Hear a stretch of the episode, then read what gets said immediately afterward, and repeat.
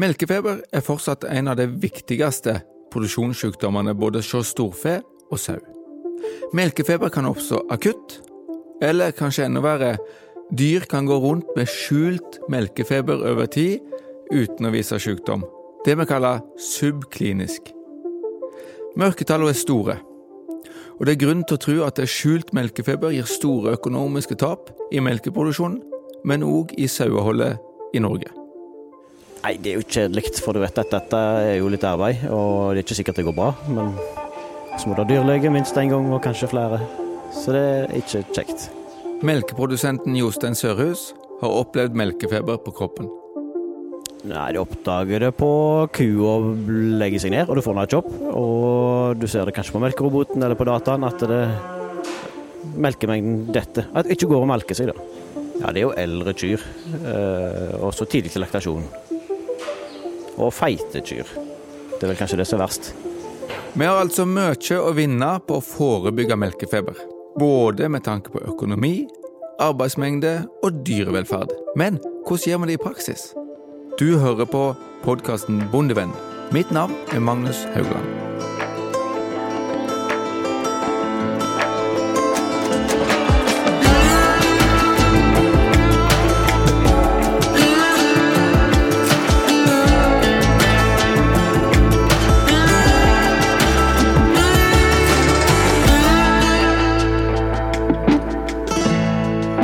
Podkasten Bondevenn blir presentert i samarbeid med Sparebank1 SR-Bank og Tveit Regnskap. Vi bidrar til at bonden lykkes. Melkefeber oppstår når dyret ikke klarer å opprettholde rett kalsiumnivå i blodet. Du hører nå Ingvild Luteberget Nesheim. Kalsium er jo et mineral. Og melk og fosterproduksjon krever mye kalsium. Hos sau så oppstår melkefeber ofte før lamming, fordi fosterproduksjonen krever enorme mengder med kalsium. Men hos melkekyr så oppstår melkefeber oftest rett etter kalving. Melka inneholder som sagt masse kalsium, og behovet mangedobles over natta. Og dette er en krevende omstilling for dyra. Vi har snakka med fagleder fòring i Tine, Anja Våg Skjold.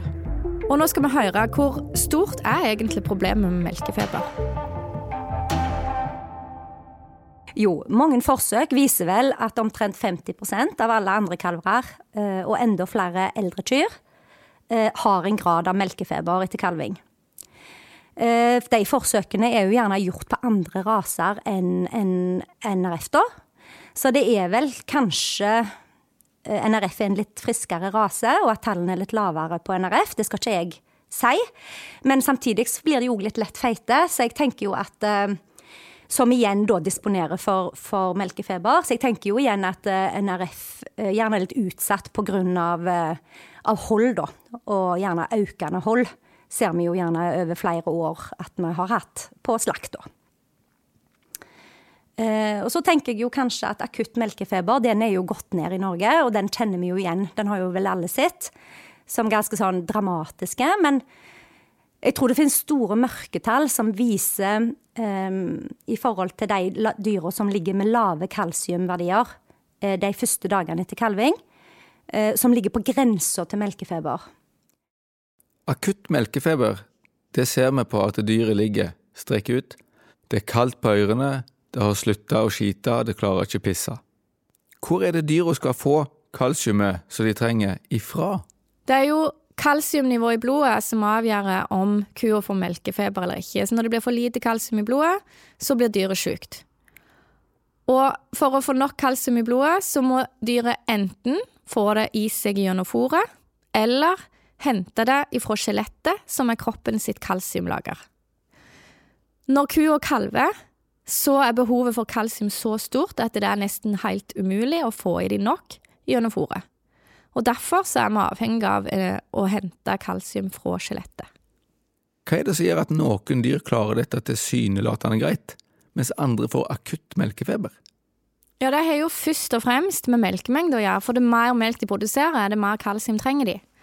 Og melkemengden øker jo ofte med alder, så vi ser jo ofte at det er på tredje kalven og utover at dyra er mest utsatt for å få melkefeber. Holdet spiller jo også inn. Feite kyr er mer utsatt for melkefeber fordi de har et lavere fôropptak etter kalving. Og Det gjør jo at de får i seg enda mindre kalsium ifra fôret. Hva er det som påvirker egentlig om det er, blir akutt melkefeber, eller om det er subklinisk? Ja, definisjonen på akutt melkefeber det er når kalsiumnivået er under 1,3 i blodet. Mens når det er subklinisk, så er det litt høyere. Altså det er fortsatt for lite kalsium i blodet, men det er ikke så lite at det blir akutt. Ikke så lite at dyret flater ut, med andre ord. Stemmer det. Den skjulte melkefeberen, hva er problemet hvis dyr ikke flater ut, altså hvordan utarter dette seg? Kalsium har mange funksjoner i kroppen. Blant annet er det viktig for at musklene skal kunne trekke seg skikkelig sammen.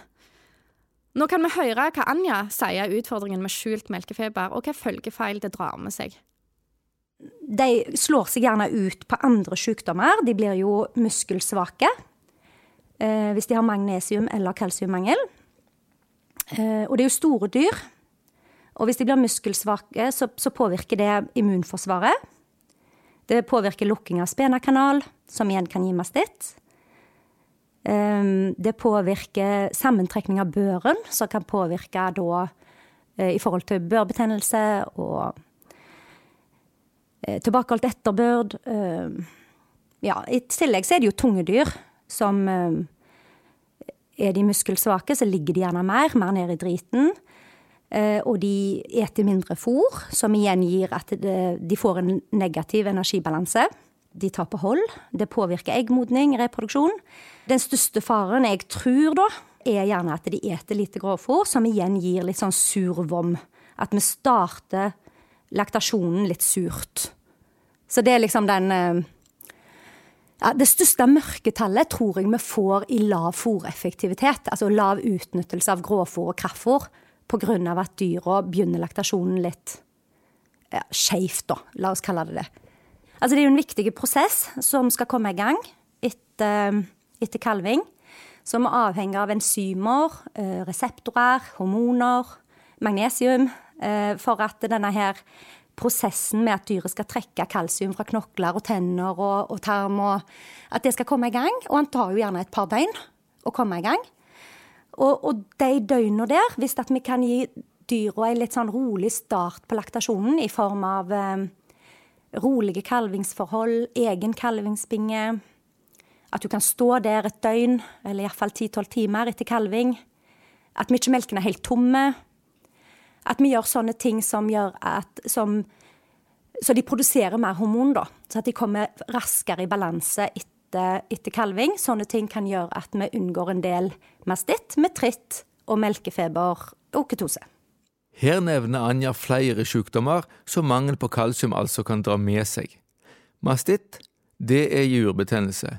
Metritt, det er det samme som børbetennelse, og ketose, det er det som mange kjenner som husmannssjuka.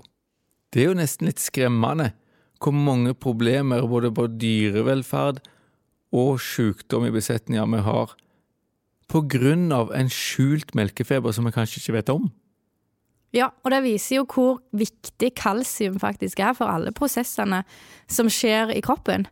Eh, og vi har mye igjen for å forebygge. For det er mye kjekkere å drive forebyggende helsearbeid enn å drive med behandling og medisinering. Alt henger i sammen med alt. Og melkefeber er en fôringsrelatert sykdom. Men alt det vi gjør for å unngå sykdom, handler jo om det samme som vi gjør for å lykkes i produksjonen. Fòring er jo sentralt, og da særlig fòring i den tida der kua ikke melker, altså gjeldperioden. Ja, det må vi snakke for noen sier gjeldku, noen sier sinku. Ulike begreper. Kjært barn har mange navn. Ja, det er jo eh, en betegnelse på ei ku som har pause i melkinga før hun skal kalve på ny. Og det er jo krav om at hun skal ha minst 60 dager ferie før hun kalver på ny. Nå skal vi høre hva Anja mener er de viktigste forebyggende tiltakene for melkefeber. Nei, jeg tenker jo kanskje det at eh, vi får kontroll på sinkuperioden. At eh, vi får eh, kuene sinlagt til rett tidspunkt. At det er friske ku som sinlegges, som er i balanse i forhold til mineraler. eh, at hun går mot kalving i, eh, med ei tilpassa fôring, med, med, nok protein og, og tilpassa energi. Eh, sånn at du er i, i balanse før kalving. Det tenker jeg kanskje er den viktigste faktoren.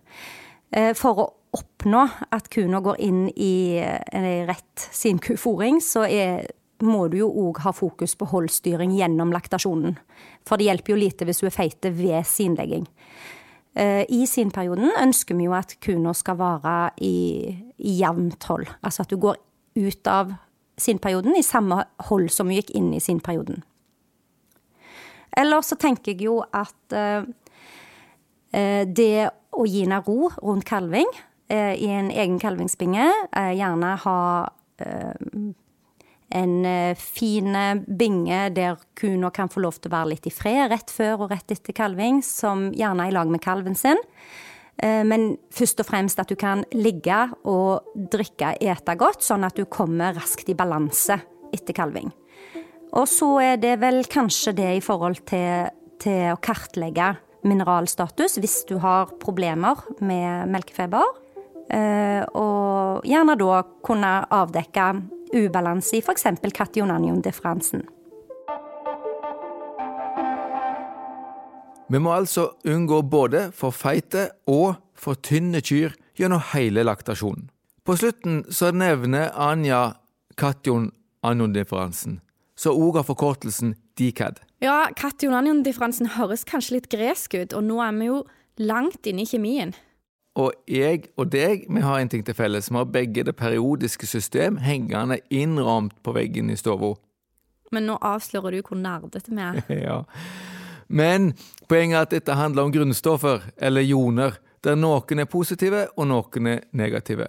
De positive ionene de kaller vi kationer, og de negative ionene kaller vi anioner. Og de tiltrekker hverandre. DCAD, eller kation-anion-differansen, det er differansen mellom positive og negative ioner i grovfòr eller i fòrrasjonen. Og det er faktisk litt interessant, for det dette ble oppdaget av forskere på Veterinærinstituttet i Norge på 60-tallet.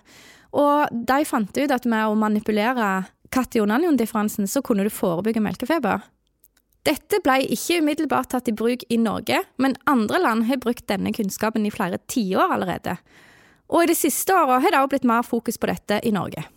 Dikaden, eller kation-anion-differansen, er differansen mellom natrium og kalium eh, på den ene sida, og svovel og klor på den andre sida. Der natrium og kalium er positive, mens svovel og klor er negative. Dette er spennende. Vi manipulerer altså forholdet mellom anioner og kationer for å unngå melkefeber. Ja, for det at når vi senker kation-anion-differansen, så manipulerer vi kua til å hente mer kalsium fra skjelettet. Dette er kompliserte reaksjoner som skjer inni kua, men poenget er at når vi senker dikaden, eller kation-anion-differansen, så sender det signal til kroppen om å trekke mer kalsium fra skjelettet. Som kan da gjøre at eh, du ikke får for lite kalsium i blodet. Er det så enkelt som at vi kan eh, gi mer bordsalt? Det inneholder jo natrium og klor. Ja, men natrium er jo positiv, mens klor er negativ, så da kommer vi jo likt ut med å tilføre mer bordsalt. Så det vi trenger, er jo mer klor og mindre kalium. Kaliumklorid? Magnesiumklorid. Magnesiumklorid i veisalt. For eksempel. Veisalt består av magnesium og klorid. Og det gjør jo at vi da øker klorinnholdet, og på den måten endrer vi dikaden. Men som jeg sa, så er kalium på den positive sida. Og kalium det er det jo mye av i husdyrgjødsla vår. Og vi tilfører det gjerne i tillegg i fullgjødsel hvis vi gjødsler med det. Så her har vi virkelig en mulighet til å gjøre noe med kation-anion-differansen i grovfòret med å redusere kaliumgjødslinga. Kaliumgjødslinga er jo litt eh, vanskelig å redusere av og til, for er det noe som er viktig for store avlinger, så er det jo at en har nok kalium. Ja. Så det vi tenker er jo ikke at en skal redusere kaliumgjødslinga på alt grovfòr en dyrker, for det er veldig viktig å skille mellom fôr som skal gå til dyr som er i laktasjon. Altså dyr som produserer melk? og fôr som skal gå til gjeldkyr. Så dette er snakk om å redusere kaliumgjødslinga på det fôret som du lager spesielt til gjeldkua. Ja, og har en et generelt problem, kan vi da si at en kanskje skal ta en sjekk på gjødselplanen sin og høre med den som faktisk har lagd den, om, om det er noe som skurrer her. Storfe, og særlig saueskit, er veldig kaliumrike, så store mengder av dette kan gi for mye kalium i grovfòret. Fjørfe og griseskit har mindre kalium, og kan derfor være et godt alternativ å bruke på gjellkufôr. Men hvis vi kombinerer det med kaliumrike fullgjødsel, eller NK-gjødsel som består av nitrogen og kalium, så kan dette òg bli for mye. Tilbake til veisaltet. Hva med gjødsla med det? Ja, det er gjort forsøk. Blant annet NLR har gjort forsøk med å gjødsle med veisalt, eller magnesiumklorid, for å senke dikaden i grovfòret. Og det viste at det var mulig å senke den til en viss grad. Du klarer ikke å få den sånn at du er liksom på det akkurat det nivået som kua trenger, men du klarer å få den ned såpass mye at det hjelper veldig i rett retning. Og dette er da kun aktuelt på et sinkufor? Kun aktuelt på sinkufor. Der har vært litt problemer med å godkjenne magnesiumklorid som gjødselslag, og der er jeg litt usikker på hvor langt Felleskjøpet og Mattilsynet har kommet. Men du Magnus, du jobber jo fortsatt mye med gjødselplanlegging. Vet du hvor langt de er kommet? De er i mål. De er i mål? Da er det faktisk lov å anbefale gjødsling med magnesiumklorid på gjellkufôr. Men det er jo ikke bare å gjødsle med magnesiumklorid, en må jo også hauste gresset seint.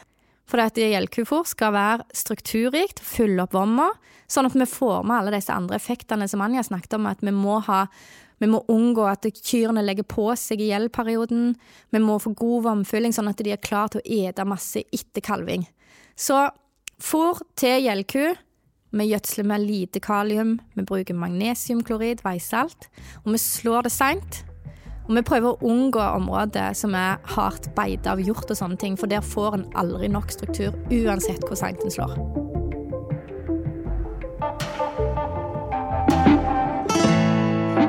Denne episoden er sponsa av Felleskjøpet Rogaland Agder. Felleskjøpet har løsninger som gjør din melkeproduksjon mer lønnsom.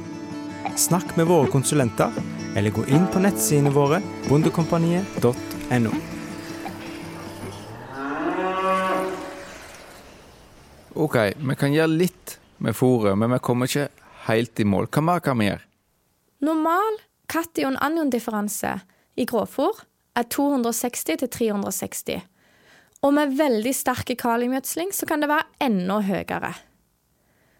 Vi klarer med bevisst gjødsling å senke kation-anion-differansen, men det å få den helt ned til den ønska verdien på minus 100 til minus 50, som må til for at kua skal begynne å mobilisere ekstra kalsium for skjelettet, det er veldig vanskelig.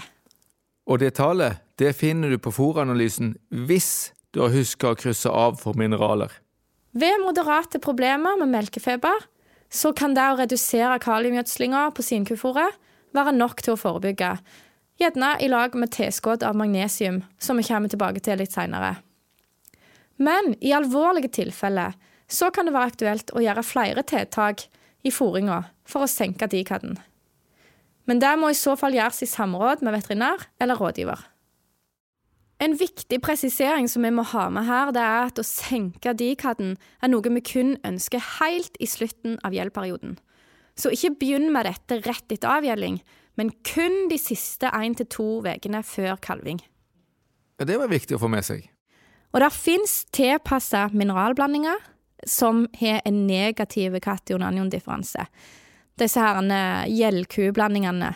Vi liker alltid hvis vi kan strø på et tryllemiddel som løser alle problemer. Ja, og det som er litt av problemet, da, hvis vi tenker her at vi har redusert kalium og økt eh, klorinnholdet, er jo at det smaker jo ikke så veldig godt. Så utfordringen er å få kua til å ete. Og særlig hvis en da ikke har dette fantastiske gjellkufôret, og ikke har fokusert på det, der en har en veldig høy dikad i gråfôret, så må en til med så store mengder av dette fôret, og det kan være utfordrende å få dyret til å ete. Noen har erfaring med å blande det med kraftfôr, men så vil vi jo ikke at dyret skal ete for mye kraftfôr i gjeldperioden. Men en liten neve med f.eks. roesuppe som smaker kjempegodt, det kan jo være en god løsning for å få de til å ete det, eller kalvekraftfôr, bare bitte små mengder, for å få de til å ete dette sure tilskuddsfôret. Men dersom problemet er alvorlig og stort, og det er en veldig høy kation-anion-differanse i grovfòret, så må en av og til med hardere midler. Eh, og da snakker vi om å tilføre magnesiumklorid i grovfòret. Det er kommet nye preparat på markedet i det siste som inneholder magnesiumklorid, som man kan da tilsette i grovfòret for å redusere dikaden i rasjonen. Det er òg folk som har prøvd å sprøyte fôret med saltsyre for å få samme effekten. Og Da må en gjerne tenke litt på HMS-en i det hele. Holde på med sånne syre. Du sa at vi kan tilsette magnesiumklorid i grovfòret. Er det bare et middel for å redusere dikad, eller har magnesium en effekt i seg sjøl? Og godt at du kom på å spørre om det. Med fare for å gjøre forvirringen komplett her, vi må ikke glemme magnesium. Magnesium den påvirker også mobiliseringen av kalsium for skjelettet. Så Derfor så kan også mangel på magnesium i seg selv være årsak til melkefeber.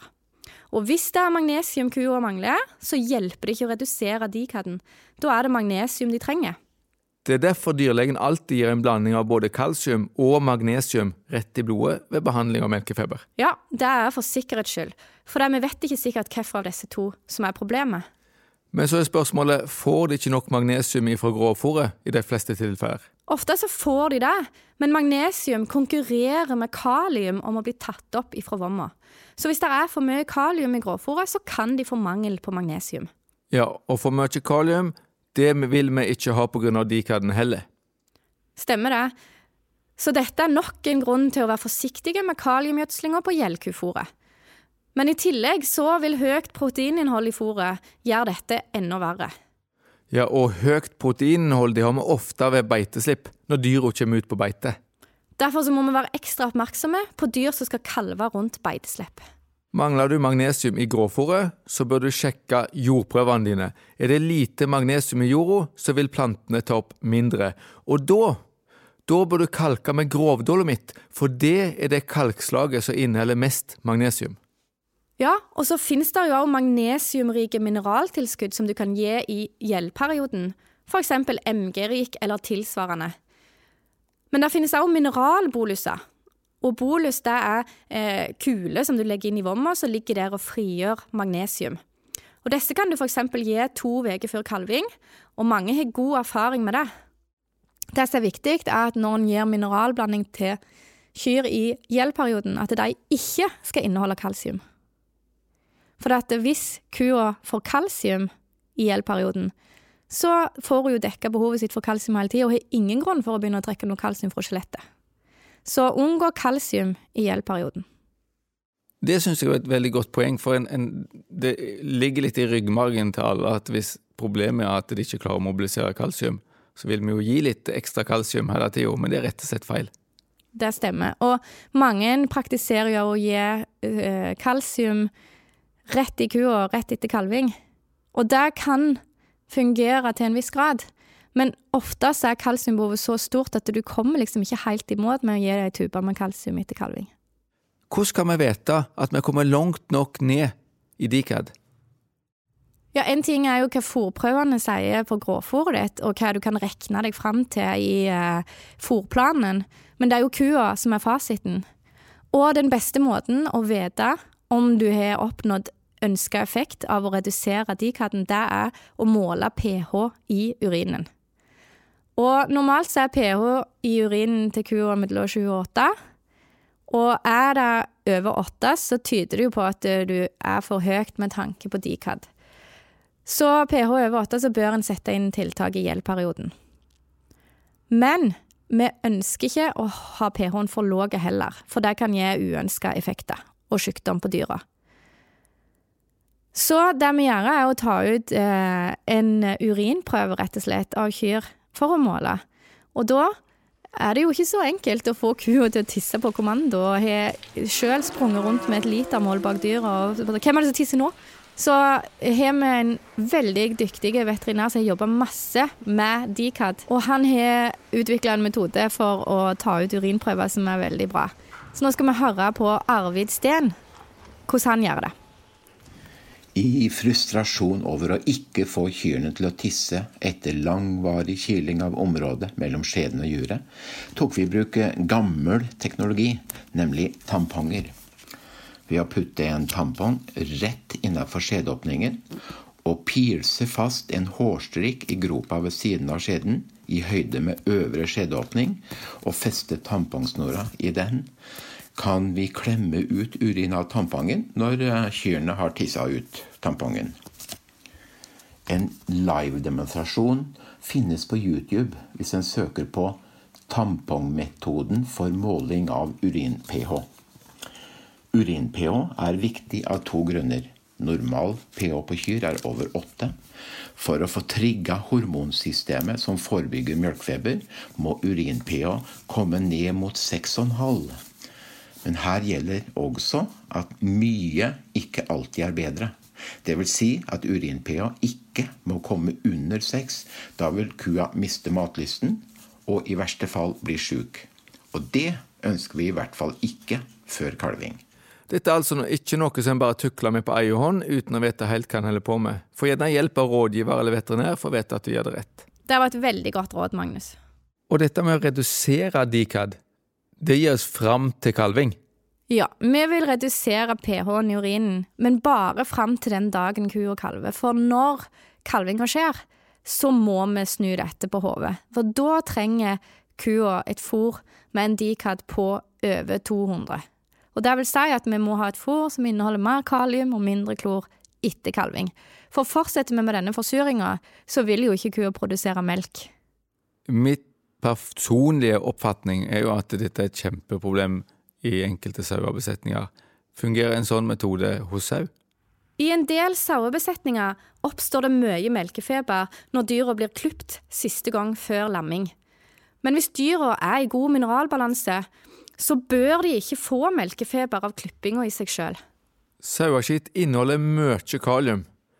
Kan det tenkes at grovfôr i disse besetningene har så mye kalium at også søyene har skjult melkefeber, og så da slår ut når vi stresser dyra med klipping?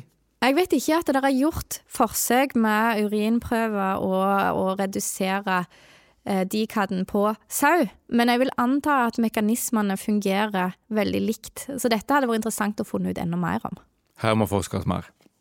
Har vi andre metoder som virker forebyggende? Ja, som jeg nevnte, så er det jo noen som gir kalsium direkte til kua rett etter kalving, og det virker til en viss grad. Men som regel så er det for lite i alvorlige tilfeller, sånn at dette må kombineres med å redusere dikaden hvis det er det som er problemet.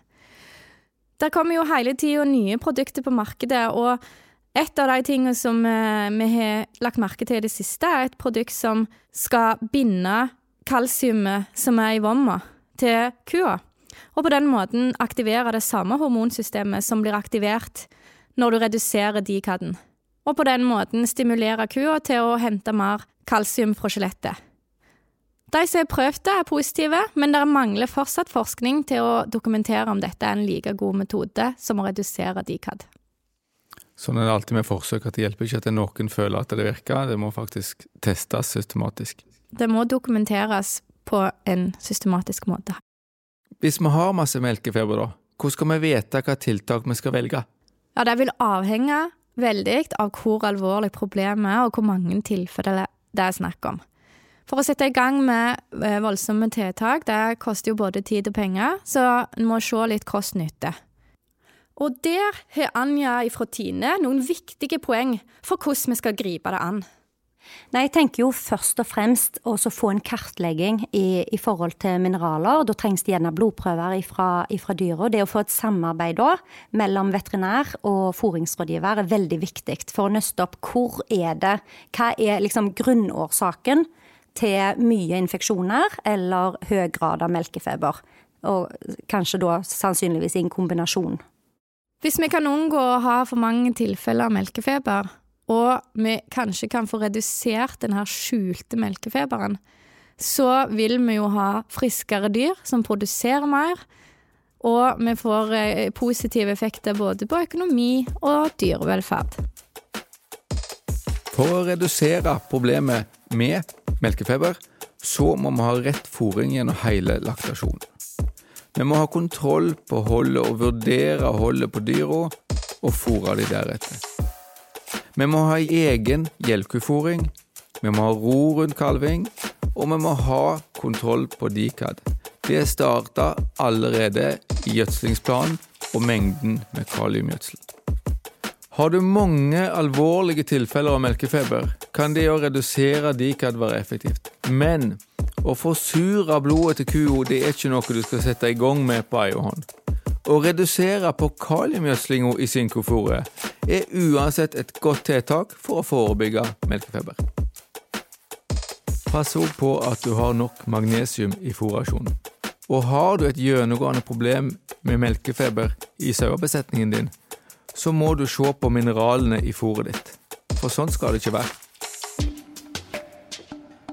Du har hørt på podkasten Bondevenn. I studio Magnus Haugland, rådgiver ved Norsk landbruksrådgivning og lærer ved Vinterlandbruksskolen i Ryfylke. Og Ingvild Luteberg Nesheim, rektor ved Vinterlandbruksskolen i Ryfylke. Episoden er produsert av ABC Studio i Etne. Takk for at du hørte på.